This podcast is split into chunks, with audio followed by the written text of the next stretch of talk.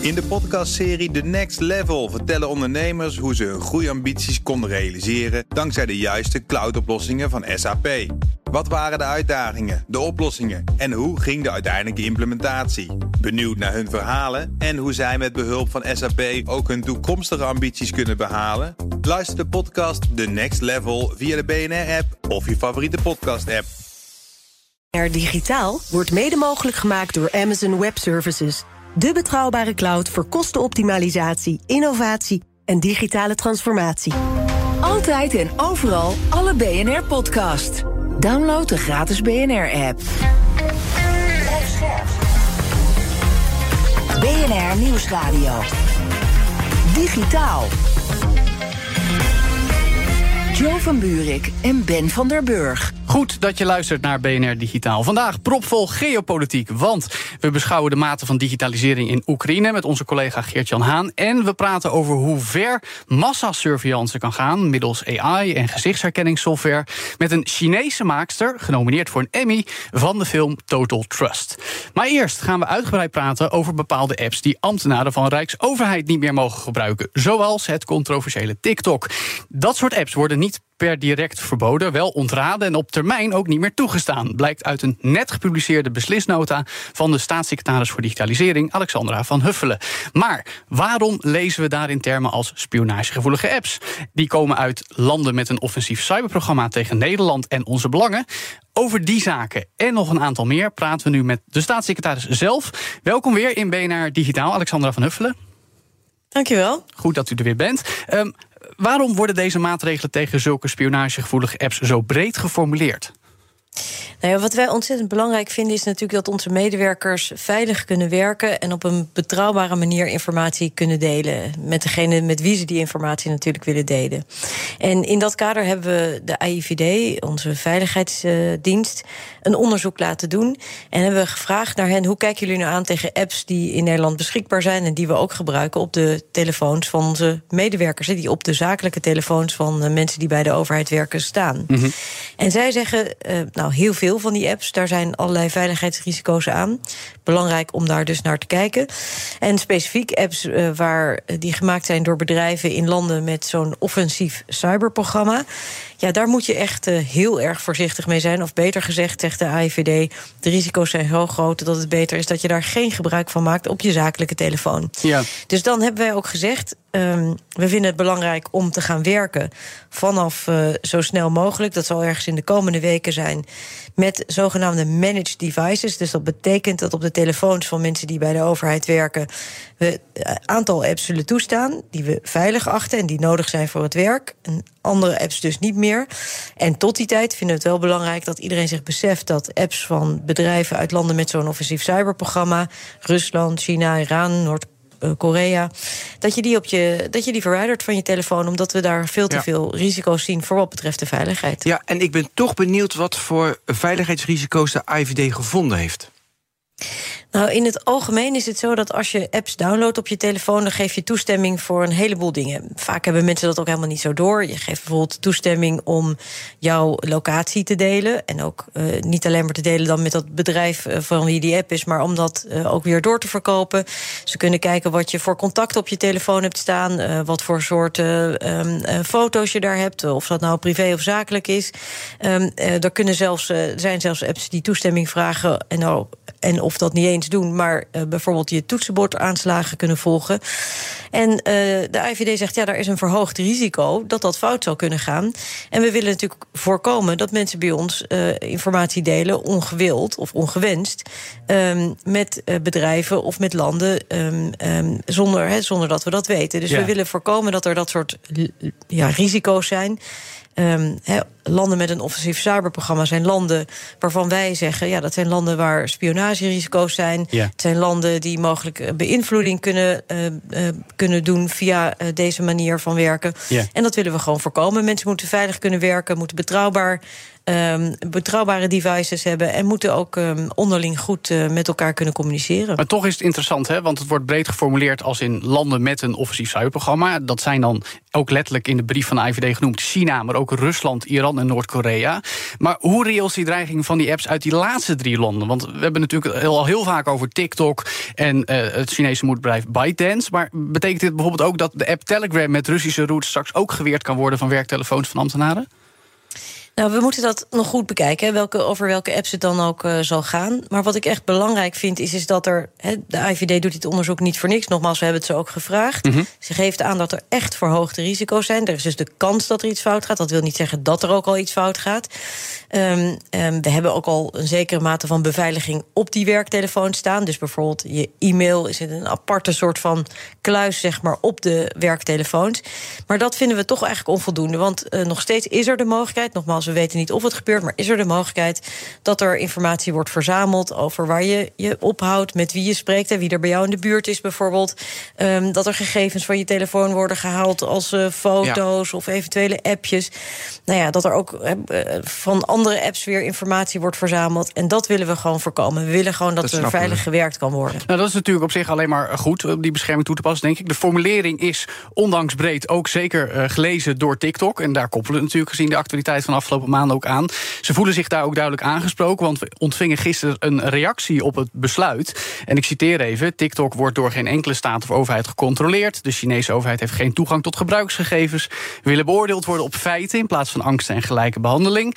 We blijven altijd beschikbaar om met de overheid te praten om zorgen weg te nemen. Heeft u zelf ook gesprekken gevoerd met bijvoorbeeld TikTok?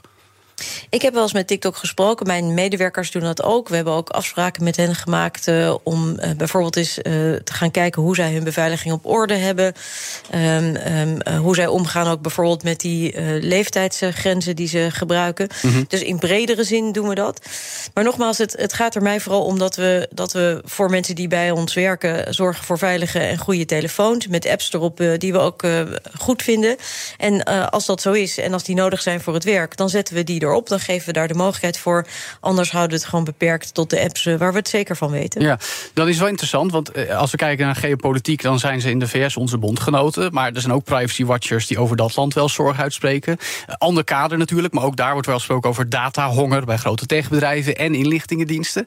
We gaan dan apps zoals Instagram en WhatsApp en ook Twitter dan ook vroeg of laat onder de loep gehouden worden? Nou, nogmaals, wij gaan kijken hoe we een goede definitie kunnen maken van veilige apps. En niet alleen een definitie, maar die, die selectie kunnen maken, zodat we die ook op de telefoons van mensen uh, zetten of laten staan. Um, um, en dat, uh, daar kijken we dus heel kritisch naar. Um, want wij vinden het vooral belangrijk, en he, iedereen weet het, en iedere Nederlander moet dat eigenlijk ook weten, dat als je apps op je telefoon downloadt, welke het ook is, je vaak toestemming geeft om behoorlijk veel informatie over jou te delen. Ja. Of het dan gaat nogmaals over die foto's, of waar je bent, of uh, gegevens uit je contacten. en dat is iets waar ik nou, waarvan ik het belangrijk vind dat iedere Nederlander goed over nadenkt. Um, omdat we op deze manier eigenlijk vrij automatisch, net zo goed als met cookies, hè, je klikt heel makkelijk ja, ja, ja, ja, ja. En geeft dan ook allerlei toestemming om uh, informatie over jou te delen door te verkopen ook vaak. Hè. Verdienmodellen zitten daarachter. Ja, dus um, ik vind het belangrijk dat mensen zich, zich, dat goed realiseren... voordat ze op een, op een ja klikken. Ja, zeker. Dus concreet zal het dan zijn dat in de toekomst... Uh, dat die apps niet meer je contactgegevens mogen inzien, niet meer uh, de locatiegegevens, uh, jou niet meer in andere apps mogen volgen. Dat zijn de concrete maatregelen dan. Nou, dat is dan weer een ander vraagstuk. Hè? Want je zegt dan van wat gaan we doen met apps in het algemeen? Uh, op dit moment is de regelgeving zo dat als je zelf persoonlijk toestemming geeft, dan mag dat volgens de privacyregels. Hè? Dus het, je mag niet zomaar gegevens van iemand uh, verzamelen uh, of, of daar iets mee doen. Hè? Laat staan, zeg maar, doorverkopen. Maar goed, als iemand daar persoonlijk ja op zegt, wat we vaak doen als je op zo'n cookie ja klikt of als je ja zegt tegen de voorwaarden van een app die je downloadt, dan mag dat. Maar wat ik belangrijk vind is niet alleen maar dat mensen zich ervan bewust zijn, maar dat we natuurlijk ook die Europese regelgeving wordt daarin ook strenger in de komende tijd en gaat ook aangeven wat nog wel en niet mag, welke informatie wel en niet verzameld mag worden. Um, er moet meer inzicht komen in algoritmes die gebruikt worden door social media platforms in het algemeen. Dus we proberen daar ook steeds meer stappen te zetten om ja. mensen niet alleen maar bewust te laten zijn, mediawijs te maken, ook kinderen natuurlijk. Mm -hmm. uh, maar ook wel om te zorgen dat er een betere bescherming is, omdat we nu zien dat eigenlijk, nou ja, iedereen, bijna iedereen, gewoon op ja klikt en daarmee nou, vrij gemakkelijk heel veel informatie over zichzelf deelt. Ja, maar dat is interessant. En dan wat ik dan geneigd ben om te zeggen, en dat zijn mijn woorden, is dat we mensen, om te beginnen met ambtenaren, want die hebben gevoelige informatie op hun telefoons. Op hun werktelefoons en waarschijnlijk ook privételefoons. Precies, dat is nog een gesprek op zich. Maar dat we dus eigenlijk voor hun een beetje moeten gaan bepalen wat nog wel en niet kan. Dus dat we toch ja, naar, naar, naar meer toezicht eh, toe moeten gaan. In ieder geval wat, wat verantwoord is om te gebruiken. Dus dat is toch wel een beetje een omslagpunt, toch? Ik denk het wel. We, we zeggen nu ook echt van wij vinden het belangrijk dat die, dat die veiligheid van ons werk geregeld is. Mhm. Ehm, daarom kiezen we hiervoor. Overigens, andere landen in Europa kennen dit ook. Ik had het net al over Duitsland en over, uh, over Spanje, maar er zijn andere landen die dit ook doen. Um, en wij vinden dat belangrijk, want we willen gewoon op een veilige manier informatie kunnen delen. We willen zorgen dat, uh, dat onze telefoons goed beschermd zijn. Um, en, uh, en dat is een belangrijke stap die we nu zetten. Uh, als laatste dan nog even toch over TikTok. Hè. Er blijft ook her en der in de westerse wereld een roep om een eventueel totaalverbod. De Amerikaanse overheid lijkt daarop aan te sturen. Uh, volgens het bericht in Amerikaanse media zou het Chinese moederbedrijf die app moeten afstoten, maar dat niet willen. Afgelopen najaar heeft de ChristenUnie nog wel eens gepleit voor een totaalverbod van TikTok in Nederland. Wanneer zou voor u een, een verbod op zulke apps overwogen worden? Want dat is nog veel vergaander. Hè? Maar, uh, of moeten we daar toch rekening mee houden op een moment?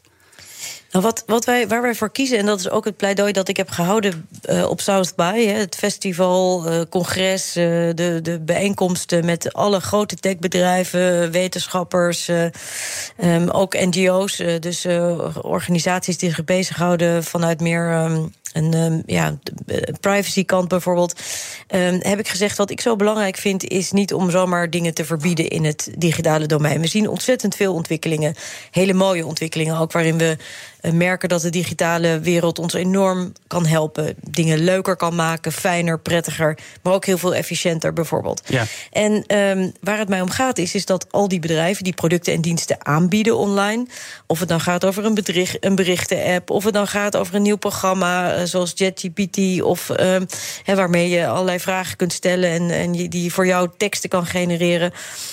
Wat ik zo belangrijk vind, is, is dat we vooral zorgen dat we heel goed vaststellen, niet alleen in Nederland, maar ook in Europa, en liefst met nog zoveel mogelijk andere landen ook, aan wat voor eisen vinden we nou dat dit soort programma's moeten voldoen? Eh, bijvoorbeeld ten aanzien van privacy of transparantie, of op welke manier moeten ze eh, bijvoorbeeld de leeftijdsverificatie goed uh, georganiseerd hebben.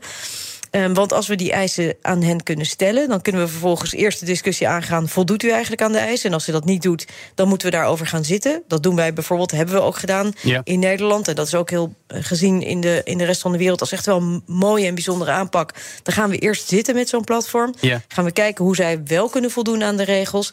Omdat als ze dat dan ook doen, we gewoon kunnen zo, eh, dan kan iedereen er ook veilig gebruik van maken. Dus wat ja. mij betreft is een verbod van iets altijd iets wat je pas helemaal aan het einde doet.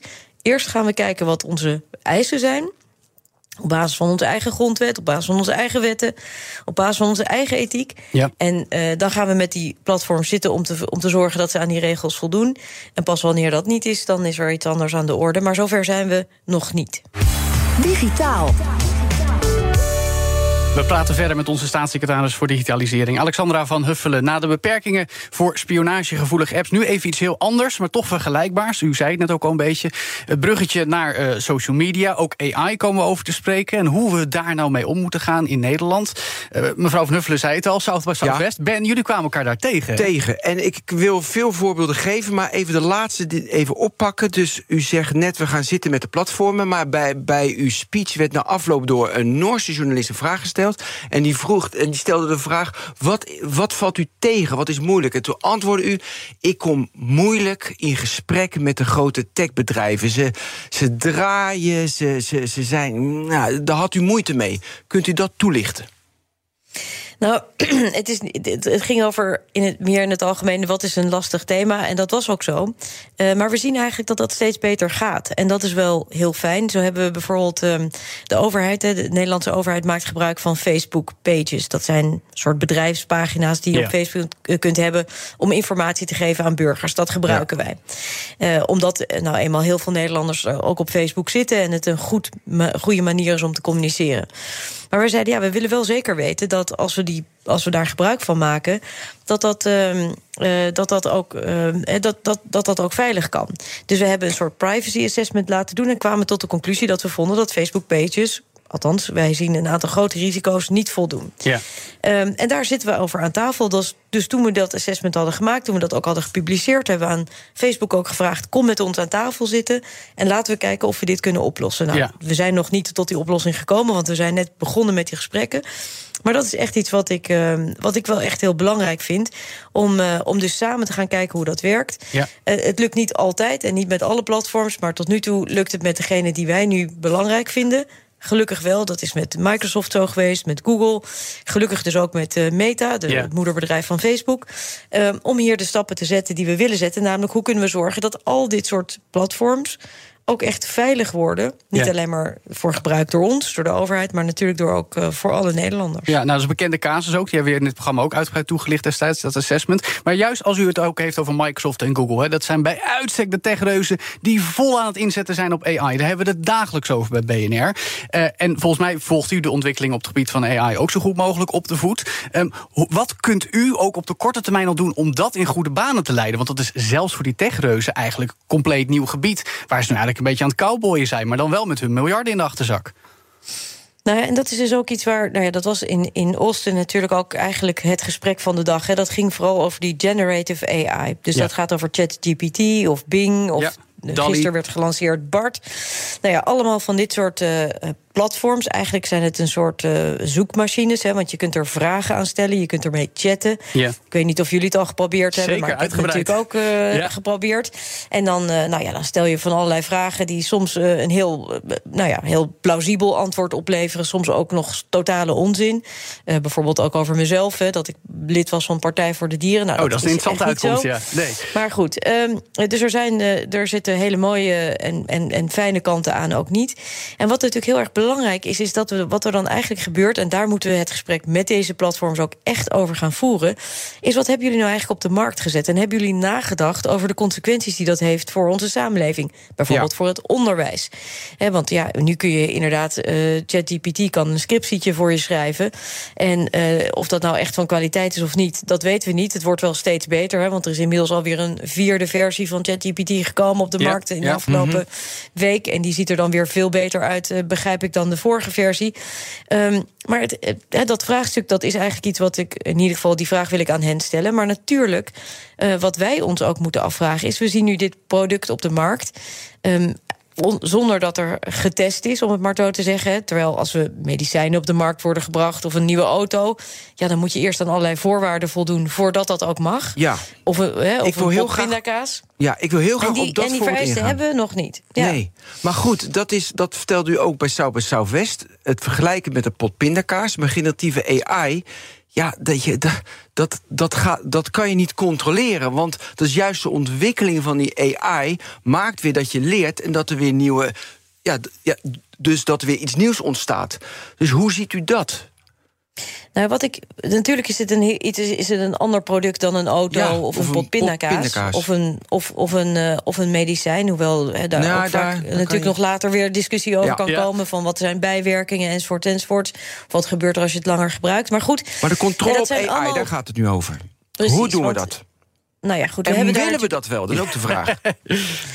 Ik, ik denk dat we dat zeker moeten willen. En de belangrijkste reden daarvoor is, is dat natuurlijk dit soort producten worden inderdaad door een bedrijf eh, online gezet en worden dan door heel veel mensen gebruikt.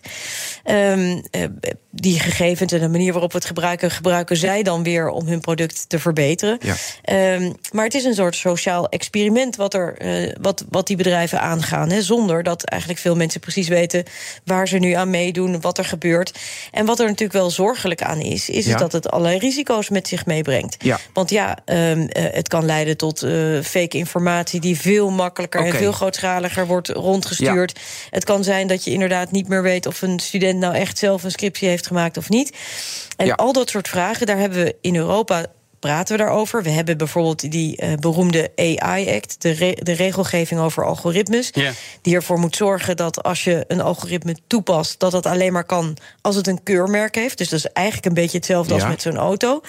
Dus je moet eerst door Maar een toets gaan. Maar dan nog, hè, kijk, ik, ik wil even, kijk, als Microsoft die zegt, ja, we doen alles ontwikkelen, by, uh, weet je, ethics by design, inclusion by design, security by design, dat zeggen ze allemaal. En dan zelfs nog als die AI-act doorgaat, dan zeg je, oké, er zit een keurmerk op, het is een keurmerk, het is oké. Maar dan is het nog wat voor input ik geef en wat voor input alle data het heeft, waar je hem op traint. Ja, dan weet je soms niet de uitkomst, want er kunnen elementen zijn. Als wij nu met z'n allen vandaag met z'n allen uh, poezenfilmpjes gaan kijken op YouTube... dan is morgen de uitkomst van YouTube anders. Dus ja, dan kan je stempel krijgen... het algoritme is goed van YouTube. Maar dat, dat is dus lastig controleren. Je bedoelt, Hoe het is zo fluïde, je kan het niet in wetten vangen. Nou ja, weet je, het Precies, en dat, is ook, dat, is ook, dat is ook hartstikke waar. Dus kijk, het punt is dat de AI die we in die wetgeving... die we in de afgelopen jaren ontwikkeld hebben... ging nog over AI die op die manier nog wel te controleren is. Door een keurmerk, maar ook door regelmatige evaluaties en controles. Het is niet één keer vooraf, maar je moet dat veel vaker doen. En je moet ook transparant zijn als je dat gebruikt, enzovoort, enzovoort. Daar kunnen we iets mee. Deze nieuwe vorm van van, van algoritmes, deze vorm van, van, uh, van uh, AI, maakt inderdaad dat we ook weer onszelf nieuwe vragen moeten stellen daarover. En, uh, en dat, dat moeten natuurlijk de producenten ook zelf doen, mm -hmm. maar dat moeten wij ook doen. En die vragen kunnen we nu nog niet allemaal beantwoorden. Maar we zien wel de kansen. We zien ook risico's. En met name daarom vind ik het belangrijk dat we in de komende tijd in Nederland, in Europa, daar echt ook een debat over gaan voeren. Wat vinden wij nou van deze soort van tools? Ja. Wat vinden we dat we. Hè, want we kunnen natuurlijk ook voor kiezen. Ik vind, dat kunnen wij bij de overheid kiezen, dat kan het onderwijs kiezen om te zeggen: wij willen niet dat dit soort uh, tools worden gebruikt. Um, uh, dus we maken er ook geen gebruik van. Ja. Ik, ik kan er kamervragen door laten beantwoorden. Ja. Maar ik heb dat één keer gedaan. Nou, dat bleek toch een antwoord op te leveren... waar de meeste Kamerleden niet heel erg blij van werden. Ja, begreep dat in ieder geval zo onvoldoende goed. Ja, het wel. Nog een keer de vraag stellen. Maar ik wil hem even En de volgende keer is dus... Nee, ja, precies. En dan wordt dus de vraag van wanneer, wanneer vinden we dat we dit wel of niet kunnen toepassen. Ja. Deze nieuwe technologie stelt ons dus ook weer voor nieuwe vragen... Ja. waar ik niet allemaal een antwoord op heb. Behalve het antwoord dat ik zeg... ik wil niet dat het zomaar ongereguleerd in onze samenleving blijft rondwaren. Ja. Want als dat zo is, ja, dan, dan lopen we grote risico's... die ik inderdaad, wij allemaal denk ik, nog helemaal niet kunnen overzien. Ja, nou, dat is interessant. En dat brengt me ook bij het laatste waar ik nog even over heb. Want er is nog meer nieuws in het kader van uw beleid deze week. Want terwijl we elkaar spreken, is net de wet digitale overheid aangenomen in de Eerste Kamer. Wetsvoorstel uit uw koker, als ik het goed heb. En als ik even doorneem, lees ik vooral een kader over hoe wij als burgers inloggen, digitaal communiceren met overheden op allerlei niveaus. Wat gaat er daarmee veranderen aan de huidige situatie? Nou ja, wat heel belangrijk is, is dat we, we willen als overheid uh, digitaal toegankelijk zijn. Um, en daar waar het kan en waar mensen het ook willen, uh, dat je dan digitaal zaken kunt doen met ons. En dat je dat op een makkelijke manier kunt doen en dat dat heel betrouwbaar is. Ja. En de, deze wet regelt dat in feite over hoe moeten we dat doen. Het is eigenlijk de basis, het fundament onder het digitaal werken met de overheid. Ook met de overheden onderling. Uh, met allerlei instanties, met burgers en bedrijven. Uh, we regelen hierin ook met wat voor inlogmiddelen je dat kan doen. Dus bijvoorbeeld de DigiD of Ja. e-herkenning. We regelen erin aan wat voor soort eisen die moeten voldoen. Dus hoe de betrouwbaarheid daarvan ook goed geregeld is. En dat is natuurlijk heel bazaal, maar daarmee ook echt een heel belangrijk fundament. Dus ik ben heel blij dat deze wet, waar in totaal wel zo'n zeven jaar aan gewerkt is, nu Zo. ook is aangenomen in de Eerste Kamer. En die echt inderdaad de basis en het fundament legt tussen op een goede manier toegang regelen bij de overheid. En zorgen Ja. dat de overheid kan communiceren met burgers en bedrijven. Dat we dat heel veilig en betrouwbaar doen. Um, en, Ja. dat we, en dat we dat ook onderling um, steeds blijven aanscherpen. Zodat het ook niet alleen maar vandaag veilig is, maar ook blijft in de komende tijd. Ja, zeven jaar is wel lang. Ik denk als je in de digitalisering moeten de wetten ook iets sneller komen. Want de techniek gaat snel, dan moeten de wetten ook snel volgen. Ja, dat zou ik ook heerlijk vinden. Maar soms uh, duurt het wel eventjes inderdaad voordat we die techniek helemaal uh, ook door de, door de beide kamers uh, hebben, hebben gehaald. En bovendien is de wet er ook wel beter van geworden in, in de laatste tijd. We hebben een extra, zo heet dat, een novelle, een soort een, een opplus gemaakt bij deze wet. Waarin we nog meer eisen hebben gesteld aan betrouwbaarheid en privacy. Aan het zorgen dat er geen verhandelbaarheid van de gegevens mogelijk is. Ja. En daarmee is die denk ik ook beter geworden. Maar ik ben het met jullie eens. Je zou het liever willen dat de dat het af en toe wat sneller gaat. En, maar ja, omdat het ook zo lang heeft geduurd, ben ik blij dat we nu zover zijn dat, het, uh, dat de wet er ook is. Ja, wie weet, ooit op een goede dag, als het toch allemaal positief ontwikkelt, kunnen we AI gebruiken om dat proces te bespoedigen. Dat, ja. Straks bespreken we hoe het nu staat met de digitalisering in Oekraïne. Want daar sprak een zeer gewaardeerde BNR-collega met de evenknie van Alexander van Huffelen. En we praten over het dystopische beeld dat de film Total Trust schetst van een Chinese filmmaker die ook nog eens genomineerd is voor een Emmy. En daarover praten we met haarzelf. Dat allemaal na de break. BNR Nieuwsradio. Digitaal. Jo van Buurik en Ben van der Burg. Welkom terug bij BNR Digitaal. Wanneer we straks inzoomen op de schadelijke gevolgen van massasurveillance door moderne technologie in China. Met de maakster van de film Total Trust. Maar eerst. De zoekopdracht. En vandaag een zoekopdracht in het kader van de oorlog in Oekraïne. Want Anto 2023 wordt een oorlog niet langer te land te zee in de lucht uitgevochten, zoals we weten, maar ook digitaal. En al voor die volledige invasie in Oekraïne was Rusland bezig met cyberaanvallen, zoals we allemaal weten. Maar Oekraïne lijkt zich goed staande te houden in die digitale geweld. Maar doen zij dat nou zo goed of doet Rusland dat zo slecht? En hoe gaat het verder eigenlijk met de digitalisering in Oekraïne? Daar hebben we uh, onze eigen Europa-verslaggever bij BNR, Geert-Jan Haan, naar gevraagd uh, om dat uit te zoeken. Goed dat je er bent, Geert-Jan. Dank voor de uitnodiging. Fijn. Uh, jij sprak onlangs in Kiev hierover met de Oekraïense onderminister van Digitale Transformatie, George Dubinsky. Ja. In hoeverre kunnen we dit ook in zijn woorden een digitale oorlog noemen? Nou, het is een hybride oorlog. Je hebt een conventionele oorlog, dus wat je op de grond ziet. Uh, je hebt een cyberoorlog, je hebt een informatieoorlog. En uh, George Dubinsky zegt: Oekraïne moeten we digitaal net zo goed beschermen als fysiek. Mm -hmm. En hij probeert uit te leggen wat voor soort oorlogen er allemaal zijn. Dat kunnen we even in het volgende fragment beluisteren. Yeah, obviously, you know, it's a hybrid conflict, and it started 2014, not yesterday, and not even a year ago. And it's maybe the digital war is the right word uh, for, for, that, right name, because if we have uh, this warfare, kinetic warfare on the battlefield, but also we have cyber warfare and we have information and counter disinformation warfare also in digital space. And it's one of the lessons we learned that we have to protect uh, our digital sphere as such as we protect in our land. Ja, dat resoneert ook een beetje met de beelden die we zien van de gevechten op de grond. Hè. Digitale domein wordt ook gevochten, daar hebben we het tijd het over. Maar het is ja. wel een beetje stiller geworden. Ik wil die verhouding weten, maar ook in het begin, in de, in de, in de verhouding met slagveld, bommen, ja. manschappen en cyber. Ja. Hoe, hoe heeft zich dat ontwikkeld? Ik denk dat je kunt stellen dat in het begin, zowel uh, digitaal als op de grond, Oekraïne toch verrast was door uh, de manier waarop die invasie plaatsvond. En dat resulteert dan ook in uh, vernietiging op de grond, maar ook in communicatie. Een satellietnetwerk van Oekraïne via SAT, dat werd platgelegd. energiecentrales waar het echt penibel is geweest of Oekraïne daar, Rusland daar digitaal dat kon overnemen. En andere ja. kerncentrales hebben we gezien dat die ook als het ware zijn gegijzeld, dan ja. fysiek. Ja, dus, dus er is echt een vergelijking wat dat betreft met uh, dat Rusland in het begin erdoor lijkt te komen. Groots, ja. En dan denk je gelijk aan het verleden met Petja non-Petja. Je denkt aan in 2017 dat het hele boekhoudkundige netwerk van Oekraïne is lamgelegd. Dus de Russen kunnen wel wat. Ja. En op een gegeven moment is het punt daar en komen ze er niet verder door.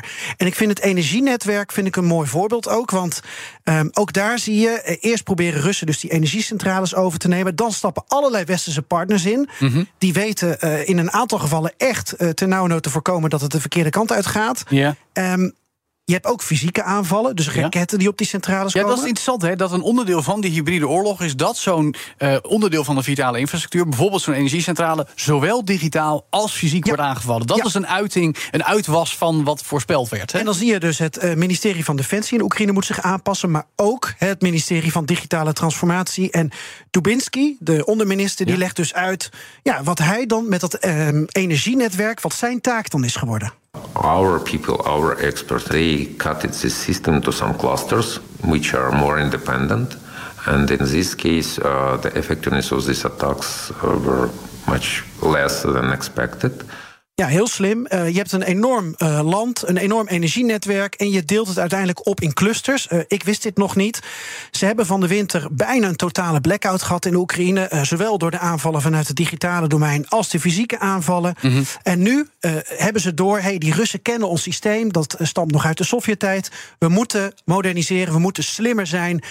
Wie niet sterk is, moet slim zijn. Ja, nou dat is wel interessant. En sowieso eventjes, jij bent naar Kiev afgereisd. Daar hebben we bij BNR ook veel over gesproken. En je bent weer teruggekomen, ook belangrijk. Je was op bezoek bij uh, Jubinski dus. Maar vertel ons even, hoe ging dat interview? Wat voor omstandigheden? Waar je... Ik hoorde jou vertellen, je had een, een scherfvest en een helm bij je. Dus natuurlijk, een, oorlog, uh, een land in oorlog, daar, daar, daar, daar is het nogal wat ja, gedoe op zijn zacht gezegd om erbij te komen. Dat moest ik meenemen, want uh, anders kom je als buitenlandse journalist de grens niet over. Want ze ja. willen niet als er wat gebeurt dat je dan een vest en een helm van een Oekraïner afpakt, om het zo te noemen. Ja. Maar even de setting. Um, ik ga op bezoek bij de eh, minister van Digitale Transformatie. Die perfect Engels spreekt, heeft gewerkt op de Amerikaanse ja, of op de ambassade in Amerika. Zit daar in een zwarte hoodie met een laptop. Enkele minuten daarvoor sta ik bij checkpoints met soldaten in um, uh, het uh, overheidsdistrict. Ja. Met wegafzettingen, met van die Tsjechische egels. Je weet wel, uit de Tweede Wereldoorlog nog die, die afzettingen. Van die pinnen. Uh, overheidsgebouw met camouflagenetten. het interview ging bijna niet door, omdat die ochtend ging het luchtalarm af. En dan na een paar minuten sta je te praten over wipers en Starlink en super-apps. Ja, en, moest je, uh, en moest je telefoon inleveren in een kluisje? Nee.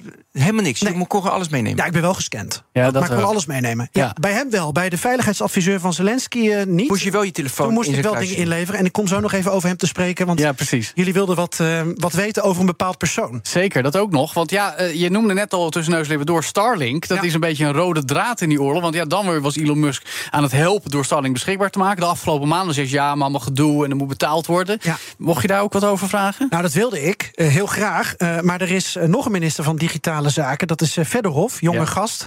En die gaat eigenlijk over de relatie met Starlink en Elon Musk. Dus oh ja. zo probeerde de woordvoerder mij een beetje daarvan af te houden. Maar ik heb dus de veiligheidsadviseur van Zelensky ook gesproken, meneer Danilov. Ja. Die vroeg ik, ja, Elon Musk, heeft hij nou net als Poetin misschien dubbelgangers? Hmm. Toen zei Danilov, nee, dat denken we van niet. Maar Elon Musk in de ochtend is soms wel een andere dan in de middag. Oftewel, het is gewoon een hele gewiekste zakenman die de partij kiest die hem uitkomt. Ja, ja, ja. Even iets anders, hè? want we hadden het ook al over Oekraïne en, en Rusland. Want ja, de, is, doet de ene nou heel goed of de andere het heel slecht? Om met Louis Vergaal te spreken? Nou, een beetje wel. Ja. Maar hebben we die Russische cyberdreiging niet gewoon overschat? Dat, die vraag hebben we ook meermaals gesteld. Wat, wat heb jij gehoord? Ja, uh, uh, volgens mij zegt de onderminister Dubinsky... ja, dat hebben we een beetje overschat. We were more or less prepared. But Russians also, we frankly speaking, expected more sophisticated attacks than they practiced. Mm, ouderwetse software dus. Ja, maar ook op basis van het verleden waar we het over hadden... met Petya Ja, met uh, het boekhoudkundig systeem dat overhoop is gehaald. Alleen wat valt nu op, en dat zegt de minister ook... Um, de digitale aanvallen van Rusland zijn niet meer zo geavanceerd. Er is slechte coördinatie tussen de verschillende agencies... dus de inlichtingendiensten, de FSB, de GRU. Die uh, laatste, dat is echt uh, de inlichtingendienst met de beste uh, cybermilitaire tak... maar die wordt gewoon om politieke redenen weinig ingezet. En de Russen lijken er ook niet in te slagen... om een cyberaanval goed te combineren met een aanval op de grond. Dus daar heb je hem weer. Ja. Die integratie met de fysieke oorlog, die zien we niet, die is moeizaam. Ja. En daarom zegt Oekraïne, we zijn op dit moment niet zo onder de indruk. Nee. We hadden, Ik- maar ja, even, we hadden, het, we hadden het eh, hiervoor over, non uh, dus petja, non petja. Hebben ze dat Ja. niet te vroeg gelanceerd achteraf gezien? Want, De Russen. ja, want als je uiteindelijk, weet je, moet, dus het binnenkomen is niet makkelijk. En ben je binnen op het juiste moment dat openbaar maken. Ik denk dat uh, Oekraïne echt uh, wakker is geschud. En het Westen misschien ja. ook, want dat dat een reden is dat die Oekraïnse cyberverdediging nu zo goed in elkaar steekt. Want uh, bedrijven als Amazon, Microsoft Azure, Oracle, Google. Iedereen is heel snel ingestapt. De Ja. cybereenheid van de, van de NAVO, um, uh, ISET. Iedereen is Oekraïne gaan helpen. En um, ja, dan zie je dus dat er steun is. Die komt in de vormen van een cloud waar alle overheidsbestanden een backup krijgen. Ja. Gratis licenties, antivirussoftware. En dat helpt allemaal. Tot slot wil ik nog even naar gewoon hoe tech-savvy Oekraïne is. Hè. Het gaat om het ministerie van Digitale Transformatie. Digitalisering hebben we in Nederland. Noem eens wat voorbeelden van hoe ze in Oekraïne digitaal slim bezig zijn. Oh, uh, uh, heel simpel dat uh, mijn kaart, betaalkaart was stuk. En ik ik besloot nou ja, toch met NFC met mijn telefoon te gaan betalen. En Ja. in Oekraïne is dat heel normaal. En Ja, in Nederland nog zie niet, ik weet dat ik. nog veel minder. Ja. Eh, om een simpel voorbeeld te geven. Ze hebben een super app die heet eh, Dia. Dat betekent de staat en ik. Zo. En daar kun je alles digitaal op doen. Dat is een DigiD Plus. Zo. Daar kun je echt alles. Die- Maar dat, dat hebben ze daar dus al. Terwijl hier in Nederland wordt er alleen nog maar over Discussie. Ja, en dat komt heel goed uit. Want mensen die op de vlucht zijn en dus geen eh, gegevens bij zich hebben, geen documentatie, die hebben dat allemaal digitaal, kunnen dat ook heel snel opvragen. Je kan heel snel, als je gevlucht bent, eh, de sociale diensten bereiken om alle toeslagen en dergelijke eh, te regelen. Ja, Maar er zonder dat die discrimineren, hoop ik. Eh, d- d- nee, er zullen vast dingen fout gaan. Wat heel interessant is, er is een, een functie bijgekomen. Ja. Dan kunnen dus burgers het leger tippen over waar Russische munitiedepots zijn, waar troepen zich bevinden. Dan geven ze de coördinaten door via die app. Ja. Die komt dan dus centraal in Kiev uit. En dan uiteindelijk kunnen dus Russische punten, ook in bezet gebied, eh, bestookt worden. Zo, Zo. ver gaat dat dus. Wauw. Tot slot nog even heel kort, in één minuut. Want eh, eh, Zelensky heeft zich vorig jaar ook heel erg opgeworpen als... kom naar Oekraïne techbedrijven, kom investeren Ja, bij ons. als gaan- hologram deed hij dat. Precies, Ja. ik was daarbij bij de Next Web. Gaat dat een beetje gebeuren? Want ook met de toekomstige EU-lidmaatschap... hoe ziet Oekraïne zichzelf als positioneerder met tech? En, en, en, en- zijn die uitspraken van Zelensky haalbaar... of zijn dat nog een beetje holle kreten geweest? leuk dat jij zo enthousiast wordt van dat je bij een hologram van Zelensky in de buurt bent Ja, geweest. natuurlijk. Ja. Dat is, het was een bijzonder moment. Maar vertel, eh, wat zei Dubinsky erover? Nou, kijk, eh, eh, hij wil dat Oekraïne een digitaal Marshallplan krijgt. Oekraïne moet natuurlijk wederopbouw gaan krijgen. Dit is een onderdeel daarvan. Je ziet, die economie van Oekraïne is hard geraakt, maar de IT-sector die groeit door. En ehm, de terugkeer met bijvoorbeeld landbouw, groene staalindustrie, waterstofparadijs, er wordt over nagedacht. Maar het moet allemaal in een totaal gedigitaliseerd land. En Dubinsky zegt ook. Kom maar allemaal westerse partners. Hij kent iedereen, alle big tech. Dit land moet een testbed zijn. Alle lijntjes zijn gelegd. Dus in principe is die weg nu ook eh, ingezet. En- Ben, en dat nu klinkt de als een, uit. klinkt als een droomland voor jou. Voor mij wordt dat het paradijs. Autonoom rijden kan daar worden doorontwikkeld, Ja, zo te horen. Nee, klinkt maar heel goed. Als dat gaat, ook gaat gebeuren, dat zullen we merken. In ieder geval dank voor deze verhelderende blik op de tech- eh, digitalisering in Oekraïne... aan eh, BNR's Europa-verslaggever Geert-Jan Haan. Joe van Buurik en Ben van der Burg. Dat technologie ook misbruikt kan worden voor discriminatie en zelfs onderdrukking is helaas bekend. Dat komt nog eens extra tot uiting in de nieuwe film Total Trust. Die volgt het leven van drie vrouwen die de ergste excessen van de Chinese bewakingsstaat ervaren en samen een verzetsbeweging opbouwen. Is dat een waarschuwing voor onze westerse wereld? Dat vragen we aan de Chinese maakster van deze film, die opereert vanuit de VS. So we'll be switching to English now. Thank you for joining us, Jieling Zhang, Emmy-nominated filmmaker and director of Total Trust. Thank you for having me here. Thank you for being with us. Uh, Jilling, a, a question to start off. Does this film serve as a warning for Western societies by showing the surveillance situation in China? Yes, so this is when we started making making this film. One of the vision of the film is that this is not just about China because technology is universal and it concerns everyone. And in recent years, we're seeing increasing uh, the Western government increasingly gathering data about our citizen, their citizens, and especially with the pandemic and public health is it comes as an excuse that's very convenient for the government to be more involved in citizens, uh, their citizens' life using high tech. So yeah, we, that's one of the vision of the film. We wanted to be Western audience also feel connected to the film and start to ask questions and what how and raise questions about surveillance being used in their own countries as well. Yeah, especially the COVID situation is something that resonates quite strongly. I think it was very polarizing in our uh, society when it when it happened. Are there other uh, examples of, of surveillance technology that you witness in, in the US and Europe, for example? Yeah, I think France, the government is like push, like in trying to introduce this um, AI assisted video surveillance because of the Olympic, and then in Germany, the increasing debate about uh, like crime prediction software that the police gather uh, meet, uh, data from social media and they profile uh, suspect. Uh, so to, and then use this software to predict a crime. So there's this increasing.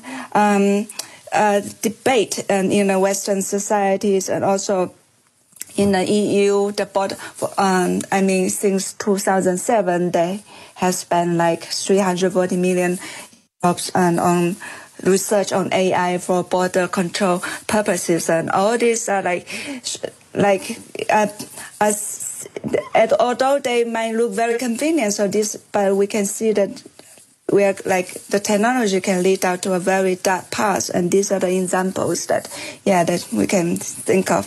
So, um, almost all of the film has been shot in China. It's not your first production that critiques the regime. Um, it's also interesting to see it's a combination of uh, Chinese propaganda footage to illustrate certain phenomena, but you also used local activists to shoot the film. Um, how did you produce that? How did you ensure the people who were shooting film for you in China did not get caught? Of course, there's a lot of research and understanding of when you go to this protagonist's house, they're human rights activists, and there's a lot of cameras facing their apartment in a community, and you have to understand where the cameras are located and try to find a way to to avoid them. And then protagonists help us, and then if there's camera facing their apartment, they can come out and block the camera so our crew can yeah. get in. And our so, and when they do when we do the interview, the phone have to be turned off, and then they our crew use phone that has no SIM card, so they cannot be tracked. So that meticulous planning. So, and aren't you afraid that the protagonists are, are in danger when the movie comes out? Yeah, so we uh, yeah, this is a, a quite, this is a concern. And actually, when we started the film, we reached out to dozens of people. A lot of people say no, they don't want to be interviewed. And then for those who do, took part in it, uh, they do uh, spend a lot of um, thinking, the consideration, did they want to take part in it? And then uh, one of the protagonists, uh, uh, Sophia Huang, she before she took part, she was she spent several months thinking about it. And but in the end, they believe it's their responsibility because to to tell the story and and that and the human rights uh, lawyer one actually think that his right is it is one of the things he says that after watching the film is that okay the, our situation is already bad. This film is not. It's yeah, not she's nothing to worse. lose. Yeah. So it seems like. Yeah, yeah. yeah. So uh, to round off, Jia Zhang, uh, the, the, film obviously also shows the infamous social credit system to the viewer. There are numerous ways uh, to lose your score, and just a few to increase your score. Is there anything uh, uh, applying to the Western world that would be similar to that, or is that a phenomenon that's really for China that we we don't have to be afraid of in in Europe and the US? Mm, I think that's like a social uh, social credit. Score it's an experiment in, in the city of Shandong, uh, Rongcheng in Shandong province, and then uh, the city of 800,000 people everywhere have a mandatory social credit score, and then um, it's it's really scary that how the every that the life uh, that you throw garbage on the street and you you spread rumor online and you protest to government can be part of the uh, the behavior that can cause you to lose score and eventually you cannot maybe take a take chance. So it affects you like like in a so I mean this kind of experiment on such a city is already like scary and other cities in China are having their different models of social credit score. And it's one of the social control program that we decided to profile in a film. And then just to see and then that was made of possible with the help of uh, high technology, um, like facial recognition of the software to to and then AI, just so that you are, the government is able to take such detail, um, keep such detailed data of its citizens. Um, of course, we are not saying that it's happening in the West now, but we're just showing an example of where the this can all take us uh, where we are heading in the future, and, and this is becoming a reality in China, and where you are going down this road. I mean, it's a cautionary tale. Yeah. Uh, it's not that it's not happening now, and then we're not worried. But I was just thinking that what technology can assist an authoritarian government to do um, to such level of surveillance, and then it's just something uh, we can yeah, that's just a cautionary tale. Yeah, yeah, well, that's a very clear message. And thank you so much for your time. Jialing Zhang, film director of Total Trust. Tot zover BNR Digitaal. Ook altijd te beluisteren als podcast op elk bekend platform, waaronder bnr.nl en onze app. Luister daar ook de tweemaaldaagse tech-update voor het laatste nieuws. De Cryptocast en de Technoloog, nieuw elke dinsdag. Deze week, Ben? Uh, Datakluizen. Datakluizen in de Technoloog dus. En elke donderdag nieuwe afleveringen van de All in the Game en Nexus. En dus elke woensdag weer, ook volgende week, een nieuwe BNR Digitaal. Dus zeg ik namens onze hele tech-redactie, tot volgende week. Dag. BNR Digitaal wordt mede mogelijk gemaakt door Amazon Services. De betrouwbare cloud voor kostenoptimalisatie, innovatie en digitale transformatie. In de podcastserie The Next Level vertellen ondernemers hoe ze hun groeiambities konden realiseren dankzij de juiste cloudoplossingen van SAP. Wat waren de uitdagingen, de oplossingen en hoe ging de uiteindelijke implementatie? Benieuwd naar hun verhalen en hoe zij met behulp van SAP ook hun toekomstige ambities kunnen behalen? Luister de podcast The Next Level via de BNR-app of je favoriete podcast-app.